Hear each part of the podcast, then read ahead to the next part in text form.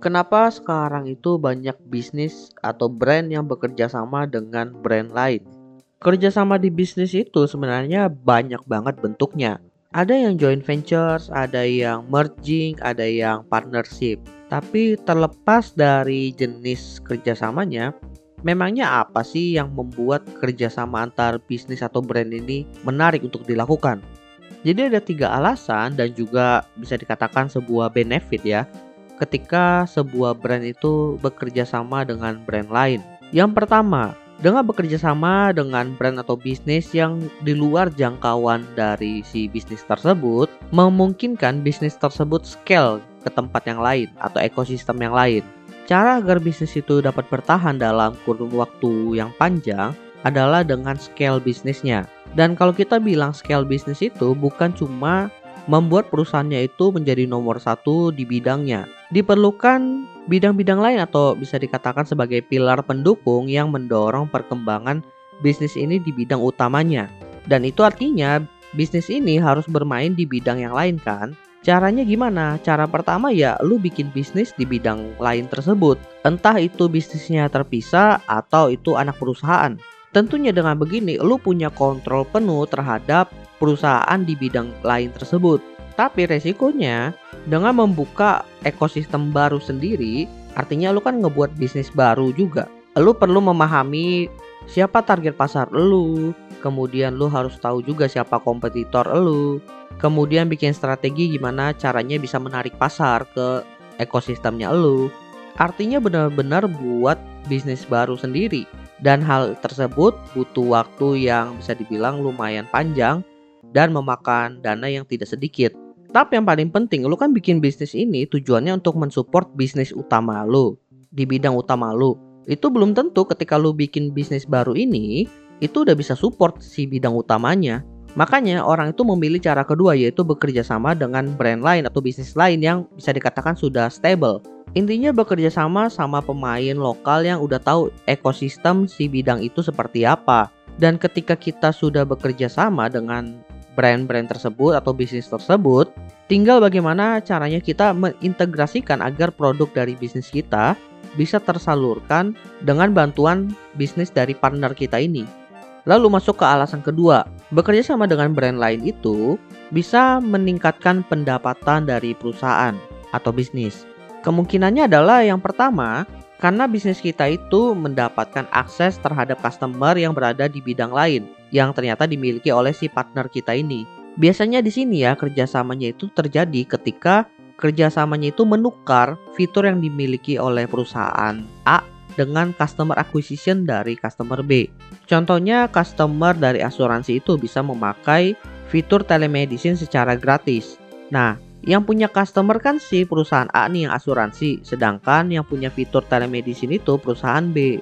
Dalam kasus ini, si perusahaan telemedicine tadi mendapatkan penghasilan tambahan dari customer yang dimiliki oleh perusahaan si A. Sedangkan si perusahaan si A ini, mereka itu mendapatkan akses terhadap fitur telemedicine tanpa perlu pusingin cara maintenance aplikasi telemedicine-nya. Dan mereka pun bisa menambahkan telemedicine itu ke dalam nilai jual produk mereka. Kemungkinan kedua karena market merasa kerjasama tersebut membuat proses atau flow-nya itu menjadi efektif dan efisien. Contohnya di sini lu itu belanja online, kemudian pas pembayaran pakai metode transfer tapi bukti transfernya itu harus diupload manual. Kemudian proses diceknya juga manual sehingga memakan waktu yang lumayan lama.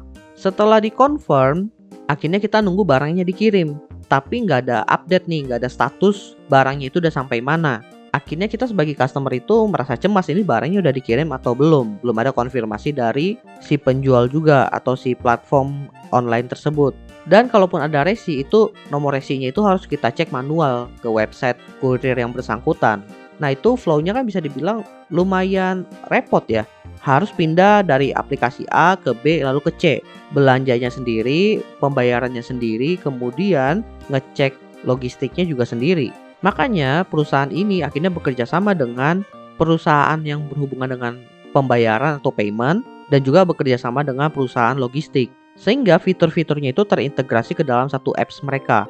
Dengan begitu membuat proses belanja di dalam aplikasi mereka itu menjadi seamless. Proses belanja dari pilih barang, check out sampai pembayaran dan juga pengiriman itu Semuanya dapat terpantau dengan jelas oleh si customer. Tentunya customer itu merasa senang. Dan kalau customer merasa senang dengan aplikasi atau pelayanan dari perusahaan tersebut, tentunya si customer itu akan terus berbelanja di dalam aplikasi atau bisnis tersebut. Dan yang kedua, dia akan merekomendasi teman-temannya untuk menggunakan juga. Dengan begitu, pendapatan dari perusahaannya itu ya jelas meningkat. Dan sekarang masuk ke alasan ketiga. Kenapa sebuah bisnis atau brand bekerja sama dengan brand lain karena mereka itu ingin riding the wave. Hal ini berlaku kalau seandainya ada satu brand yang tiba-tiba namanya itu booming, sehingga ada bisnis lain yang merasa ini kesempatan kalau bisa bekerja sama dengan mereka, bisnis mereka itu juga bisa ikutan naik. Contohnya di sini yang cukup nyata adalah brand-brand fashion yang bekerja sama dengan para K-pop artis. Mungkin teman-teman kalau ngecekin ya brand-brand fashion yang dipakai oleh K-pop artis itu, brand-brand itu bisa dikatakan punya produk yang harganya mahal. Tapi karena K-pop ini sedang menjadi sebuah tren yang bisa dikatakan cukup besar di dunia, di mana banyak orang itu ingin menjadi seperti idol favorit mereka, sehingga mereka itu nggak segan untuk meniru apa yang dilakukan oleh idol mereka. Entah menyanyikan lagu yang dibawakan oleh mereka, entah menirukan dance atau dance cover, dan juga membeli produk yang dipakai oleh artis mereka. Itu kan kasusnya kalau memang brandnya itu ternama kayak artis ya. Nah kalau brand-brand yang benar-benar bisnis to bisnis di masa lalu itu ketika Gojek pertama kali ngeluarin Gosen di mana memungkinkan kita itu ngirim barang satu hari nyampe itu salah satu gebrakan yang cukup booming. Makanya banyak e-commerce yang akhirnya bekerja sama dengan si Gojek untuk menerapkan fitur logistik ini ke aplikasi mereka. Dan lihat sekarang gimana kalau ada marketplace baru yang muncul tapi nggak ada fitur instan itu biasanya agak kurang disegani sih. Nah, jadi itulah beberapa alasan kenapa bisnis itu banyak yang bekerja sama dengan bisnis lain. Semoga bermanfaat buat teman-teman semua. Well, gua rasa itu aja sih yang pengen gue bahas di option podcast kali ini. Thank you buat teman-teman yang sudah mendengarkan. See you next time di Tutup 2022 episode lainnya. Bye semuanya.